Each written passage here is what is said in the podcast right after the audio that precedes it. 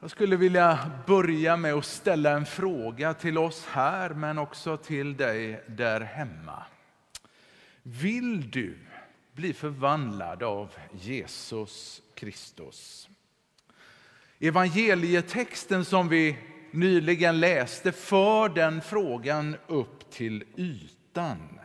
Vi läste att under en av judarnas högtider, vi får inte veta vilken, går Jesus upp till Jerusalem som vid denna tidpunkt var packad med folk. Och av någon anledning så går han till Betesda, på svenska Nådens eller strömmens hus. En stor damm som idag är utgrävd och som kan ses. För dåtidens judar så var Betesda som en helig vallfartsort vars periodiska vattenflöde ansågs innehålla gudomligt renande vatten. Judarna trodde att en ängel ibland steg ner i vattnet och satte vattnet i rörelse. Och den första som klev ner i vattnet efter att det hade börjat svalla blev frisk från sin sjukdom. Det är därför inte så konstigt att det i de fem pelarhallarna låg mängder med, som vi läste, svaga, sjuka, blinda, halta och lama som just låg där och väntade på att vattnet skulle börja svalla. Och jag vill här hissa varningsflagg. Alltså notera riskfaktorn. Jag menar, det är ju en sak som blind och lam att kunna ta sig ner i vattnet och en helt annan att ta sig upp ifrån det djupa vattnet igen.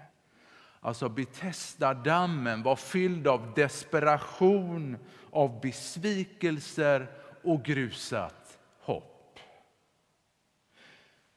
Så medan Jesus vandrar där genom pelargångarna så får han syn på en man som vi läste hade varit sjuk i 38 år. Och Jesus ställer en fråga som till en början kan tyckas rätt märklig. Han frågar mannen som har varit sjuk i 38 år, vill du bli frisk? Men Jesus, hallå! Alltså varför tror du ens att mannen är där om inte för att bli frisk? Det är ju som jag hade frågat dig efter att du hade sprungit ett maratonlopp. Vill du duscha? Jag menar, det säger ju sig självt, eller hur? Alltså man kan undra, drev Jesus med honom? Eller? Nej, inte alls. Jesu fråga var högst välment. Han frågade eftersom det var högst möjligt att mannen inte alls ville bli frisk. Mannen svarade Jesus, du måste vara ny här, eller hur? Du förstår, mitt problem är att varje gång som vattnet börjar svalla så hinner någon annan ner före mig. Du förstår, här finns inga kölappar och jag har ingen som hjälper mig. Har du hört något så sorgligt? Jag har ingen som hjälper mig. Tänk, kanske kom du hit med precis samma känsla idag. Jag har ingen som hjälper mig. Du förstår, sa Jesus, om jag gör dig frisk så kommer du inte alls att ha samma sjukdomsvinst inte de fördelarna som du åtnjuter idag på grund av ditt sjukdomstillstånd. Om jag gör dig frisk så kommer du inte längre kunna sitta här och tigga och tjäna ditt levebröd. Och du kommer inte få samma medlidande som nu. Det finns ett pris att betala för att bli frisk. Och min fråga till dig är, är du villig att betala det priset? Alltså Jesus ställer samma fråga till dig och mig här idag. Vill du bli frisk? Vill du bli förvandlad av Jesus? Och om du vill det, är du villig att betala priset? Alltså förändring kan ju låta enkelt, men det är ju väldigt svårt. Dåliga vanor är svåra att bryta, särskilt eftersom de för stunden kan stilla din och min ångest. Alltså förändring är skrämmande. Ibland är det helt enkelt lättare att förbli som man är. Jag hade en vän i ungdomen. Hon mötte Gud i ett möte som det här. Men av rädsla för vad hennes föräldrar skulle säga så valde hon att låta bli att tro på Gud. Lägg också märke i texten vi läste att Jesus inte alls var ute på någon helande kampanj. Det låg många sjuka, läste vi i gångarna. Det fanns många behövande vid dammen. Men notera också att ingen av dem verkade se Jesus. Istället för att fästa ögonen på honom så stirrade de på vattnet i väntan på att Gud skulle ingripa. Det var som om en andlig blindhet hade slagit dem.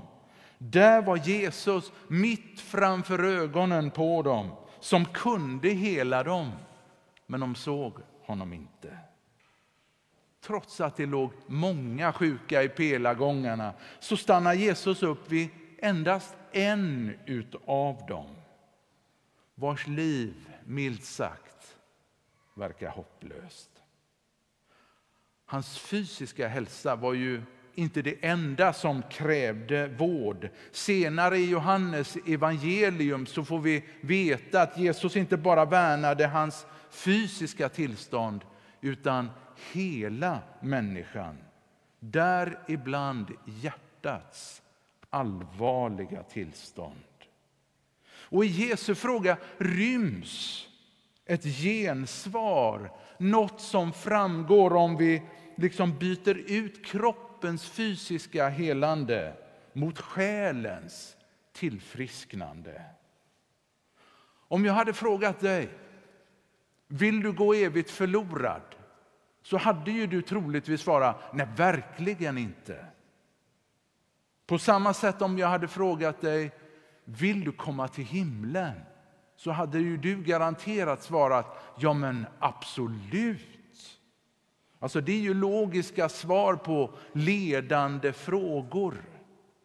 Men låt mig ställa frågan på ett annat sätt för att tydliggöra min poäng. Om jag hade frågat en fängelsekund, vill du få ditt straff avskrivet och slippa ut ur fängelset så skulle han ju förmodligen ha svarat ja, det vill jag verkligen. Men om jag hade frågat vill du bli frisk? Vill du bli en kristen och börja göra nytta med dina händer för Gud och människor? Ja, då är det inte omöjligt att han hade svarat ja, det är mer tveksamt. Alltså du förstår, de flesta människor de vill ha syndernas förlåtelse men kanske inte leva ett liv till Guds ära. Självklart vill jag komma till himlen, men inte om det innebär att jag måste ändra på mig. Jag avstår att springa, men jag tar gärna emot priset. Alltså Det ligger något i strofen som artisten Timbuktu säger. Alla vill till himlen, men få vill dö. I de fem pelargångarna låg många människor som väntade på att vattnet skulle börja svalla och att Gud skulle ingripa. Samma saker händer i våra kyrkor söndag efter söndag. I vars bänkar det sitter människor som väntar av olika skäl. I den första pelargången väntar många på rätt tillfälle i livet. Någon gång. Vid ett lämpligt tillfälle. Kanske rent av på min dödsbädd ska jag säga ja till Jesus. Men inte nu. Nu ska jag leva livet. Så sorgligt. Min vän, Jesus är här och nu. Han frälser nu. Han säger i sitt ord, jag bönhör dig i nådens tid, jag hjälper dig på frälsningens dag. Nu är rätta tiden, nu är frälsningens dag. Eller som det står i dagens salta psalm 107. Ropa till Herren i din nöd och han ska föra dig ut ur dina svårigheter. Den dagen är här och nu. I den andra pelargången så väntar många på att få se ett under. Om jag bara får se ett under, då ska jag tro på Gud. Att enbart tro på Gud räcker inte för dessa människor. Men vet du vad jag tycker är intressant? Om du läser evangelierna så kommer du upptäcka att Jesus han gjorde en hel del under. Ja, Johannes som vi läste, han börjar till och med sitt evangelium med att säga att Jesus gjorde mycket mer än detta som du läser här. Men detta har skrivits i evangeliet för att du ska tro att Jesus Kristus är Guds son. Men vet du vad jag läser när jag läser evangelierna? Om Guds alla under. Ja, trots alla dessa under, trots att Jesus uppväckte döda, så valde folket trots allt att spika upp Jesus på ett kors. Du vet att under, det är inte en garant för att människor ska tro på Gud. Det finns en intressant bibeltext i Andra Petrusbrevet och där beskriver Petrus kanske det häftigaste mirakel en människa kan få uppleva. Han var ju på förklaringsberget och där på förklaringsberget så fick han se Jesus förvandlas framför ögonen på honom, Jakob och Johannes. Och att Jesu ansikte lyste som solen. Och så berättar Petrus Vet du vad Gud där och då säger till dem om Jesus? Lyssna till honom. Lyssna till honom. I den tredje pelargången så väntar många på något annat än Jesu eget vittnesbörd i Bibeln. Bibeln är inte tillräcklig, säger man. Den behöver kompletteras. Ja, hur ligger det egentligen till med den saken? I Lukas evangeliet så berättar Jesus en berättelse om en rik man som efter sin död kom till dödsriket. Där nere får han se Abraham i paradiset och mannen ropar till Abraham om att skicka någon som kan stå upp ifrån de döda. Han tänker liksom, ja, men om bara någon som står upp ifrån de döda kommer, ja men då kommer de att tro. Och vet du vad Abraham svarar honom?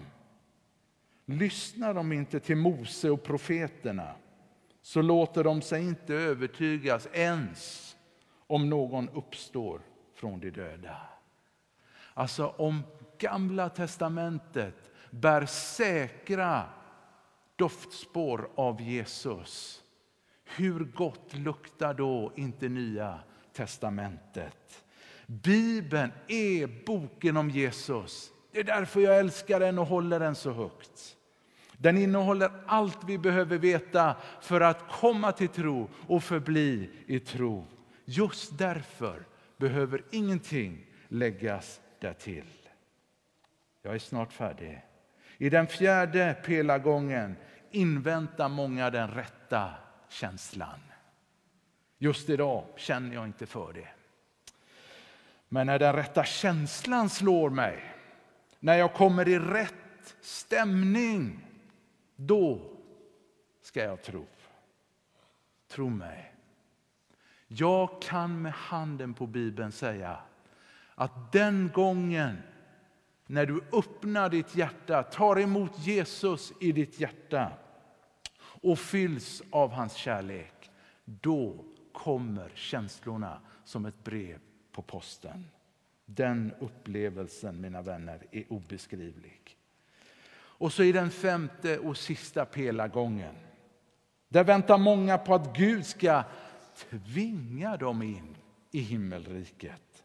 Men jag kan lova dig att det kommer aldrig till att hända. Gud är en gentleman. Han tränger sig inte in på dig. Ja, det är sant att Jesus han säger ju det själv. Se, jag står vid dörren och bultar. Inte så här. Det är ganska tydliga knackningar. Jag står vid dörren och bultar. Ja, det stämmer. Men vet du vad som är? Hjärtats dörrhandtag sitter inte på utsidan. Det sitter på insidan. Beslutet om att ta emot Jesus, omfamna honom, det är alltid vårt. Nej, Gud tvingar inte någon in i himlen. Det är ett fritt val. Så är det. Så om du en dag upptäcker att oj, jag är i himlen, så är det för att du själv har valt att vara där. Just därför är det ju som vi läser i evangelietexten alltid en glädje varje gång någon hörsammar Jesu röst, reser sig upp och går. Får jag fråga, vad kom du hit med idag? Kanske är du bland de många som väntat länge på ett gudomligt ingripande. Kanske sitter du här och väntar och missar att Gud, Jesus Kristus, finns mitt framför ögonen på dig. I bibelläsningen, i bönerna, i sångerna, i nattvardsfirandet. Alltså jag är glad att få hälsa dig den här söndag förmiddagen. Att det finns hopp här och nu i Jesus Kristus. Får jag fråga dig, vill du bli frisk? Vill du bli förvandlad av Jesus Kristus? Vill du omfamna honom, ditt saliga och ljusa framtidshopp? Om, så kom. Luftet gäller dig. Vi hörde ju den gammaltestamentliga texten läsas. De som hoppas på Herren, ja, vad får de? Ny kraft. De lyfter med vingarna som örnar. De springer utan att mattas och de vandrar utan att bli trötta. Ja, vem vill inte leva så? Låt oss be. Himmelske Fader, jag tackar dig för ditt lockrop den här förmiddagen. Herre, jag tackar dig för en Gud som är väldig, stor, underbar, som finns på riktigt och som står där med öppna faders armar och säger kom, kom. Herre, jag ber om att vi den här söndag förmiddagen inte skulle gå miste om att du faktiskt var här, Gud. I bibelläsningen, i bönerna, i sångerna och i nattvardsfirandet. Herre, ja, vi kan leva många år, mer än 38 år och gå miste om allt det som du erbjuder. Och jag ber att låt inte så ske, Herre. Tack för att du idag, Herre, du vandrar runt här i pelarsalen, Herre. Du går i bänkarna och du knackar på hjärtats dörr. Herre, måtte vi öppna hjärtat för dig och omfamna dig och säga ja till dig. Och Gud, vad som händer från det, det är att du knackar och kommer in och reser oss upp. Ja, Herre, tack för att den vandringen vidare är större och underbarare än, än vad vi har varit med om någonsin, Herre. Herre, välsigna fortsättningen av den här gudstjänsten. I Jesu namn. Amen.